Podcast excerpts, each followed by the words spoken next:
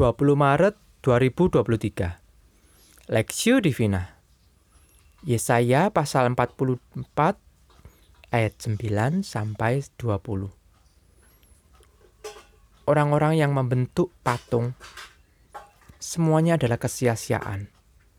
Dan barang-barang kesayangan mereka itu tidaklah berfaedah. Penyembah-penyembah patung itu tidaklah melihat dan tidaklah mengetahui apa-apa. Oleh karena itu, mereka akan mendapat malu. Siapakah yang membentuk Allah dan menuang patung yang tidak berfaedah? Sesungguhnya, semua pengikutnya akan mendapat malu, dan tukang-tukangnya adalah manusia belaka. Biarlah mereka semua berkumpul dan bangkit berdiri mereka akan gentar dan mendapat malu bersama-sama. Tukang besi membuatnya dalam bara api dan menempanya dengan palu. Ia mengerjakannya dengan segala tenaga yang ada di tangannya. Bahkan ia menahan lapar sehingga habislah tenaganya. Dan ia tidak minum air sehingga ia letih lesu. Tukang kayu merentangkan tali pengukur dan membuat bagian membuat bagan sebuah patung dengan kapur merah. Ia mengerjakannya dengan pahat dan menggarisnya dengan jangka. Lalu ia, lalu ia memberi bentuk seorang laki-laki kepadanya, so, seperti seorang manusia yang tampan, dan selanjutnya ditempatkan dalam kuil. Mungkin ia menebang pohon-pohon aras, atau ia memilih pohon saru atau pohon terbatin lalu membiarkannya tumbuh menjadi besar di antara pohon-pohon di hutan, atau ia menanam pohon salam lalu hujannya membuatnya besar, dan kayunya menjadi kayu api bagi manusia yang memakainya untuk memanaskan diri. diri. Lagi pula ia menyalakannya untuk membakar roti. Tetapi juga ia membuatnya menjadi Allah, lalu menyembah kepadanya. Ia mengerjakannya menjadi patung, lalu sujud kepadanya. Setengahnya dibakarnya dalam api dan di atasnya dipanggangnya daging. Lalu ia memakan daging yang dipanggangnya itu sampai kenyang. Ia memanaskan diri sambil berkata, Hah, aku sudah menjadi panas. Aku telah merasakan kepanasan api. Dan sisa kayu itu dikerjakannya menjadi Allah jadi patung sembahannya. Ia sujud kepadanya. Ia menyembah dan berdoa kepadanya. Katanya, tolonglah aku sebab akulah sebab engkaulah Allahku. Orang seperti itu tidak mengetahui apa-apa dan tidak mengerti apa-apa, sebab matanya melekat tertutup sehingga tidak dapat melihat dan hatinya tertutup juga sehingga tidak dapat memahami. Tidak ada yang mempertimbangkannya. Tidak ada cukup pengetahuan atau pengertian yang untuk mengatakan setengahnya sudah kau kubakar dalam api dan di atas baranya juga sudah kubakar roti, sudah kupanggang daging lalu kumakan. Masakan sisanya akan kubuat menjadi dewa kekejian masakan aku akan menyembah kepada kayu kering.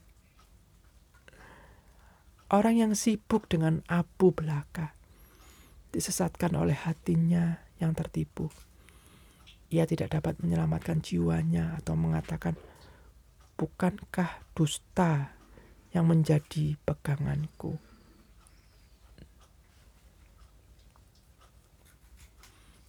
Kebodohan penyembahan berhala perspektif. Orang-orang yang membentuk patung semuanya adalah kesia-siaan dan tidaklah berfaedah. Tidaklah memberi faedah. Penyembah-penyembah patung itu tidaklah melihat dan tidaklah mengetahui apa-apa. Oleh karena ia oleh karena itu mereka akan mendapat malu. Yesaya pasal pasal 44 ayat 9. Kebodohan yang dilakukan oleh para penyembah berhala adalah menggantikan Allah sebagai yang utama dalam hidup mereka. Salomo yang dikenal sebagai manusia yang bijak dan berhikmat pun jatuh dalam dosa ini. Ia menikahi banyak perempuan asing yang pada akhirnya menyeret dirinya menjadi penyembah berhala. Salomo tidak lagi menjadikan Allah sebagai yang utama dalam hidupnya dan juga tidak lagi berpegang pada kebenaran. Pada pasal sebelumnya, Allah menyatakan kasihnya, bahkan berjanji kepada umatnya untuk menebus dan menyelamatkan mereka. Pasal 44 ini adalah sebuah penegasan bahwa Tuhan adalah satu-satunya Allah. Ia hendak mengingatkan umatnya betapa bodohnya pemujaan atas berhala. Penegasan ini bertujuan agar umat Allah senantiasa menjadikan Tuhan sebagai yang utama dalam hidup, sehingga bisa menjadi saksi-saksinya. Penyembah berhala ialah mereka yang mengagungkan sesuatu yang fana lebih tinggi dari Tuhan. Karena itu, saya menyoroti bahwa berhala adalah Allah yang diciptakan manusia berdasarkan pemikirannya sendiri. Ayat 17. Manusia membuat suatu Allah dari pohon yang dipakai untuk kayu bakar. Tidak heran jika berhala memiliki kelemahan seperti manusia. Tidak bisa menolong dirinya sendiri. Akibatnya, para penyembah berhala disesatkan. Mendapat malu, tidak bisa menyelamatkan dirinya, dan terlebih mereka menjadi bodoh karena menggantikan Allah sebagai yang utama dan yang terutama. Mereka melakukan hal yang salah, menyembah yang mereka buat dan bukan menyembah pribadi yang membuat mereka. Firman Tuhan ini mengingatkan kita bahwa Tuhan adalah Allah yang beranugerah dalam hidup kita.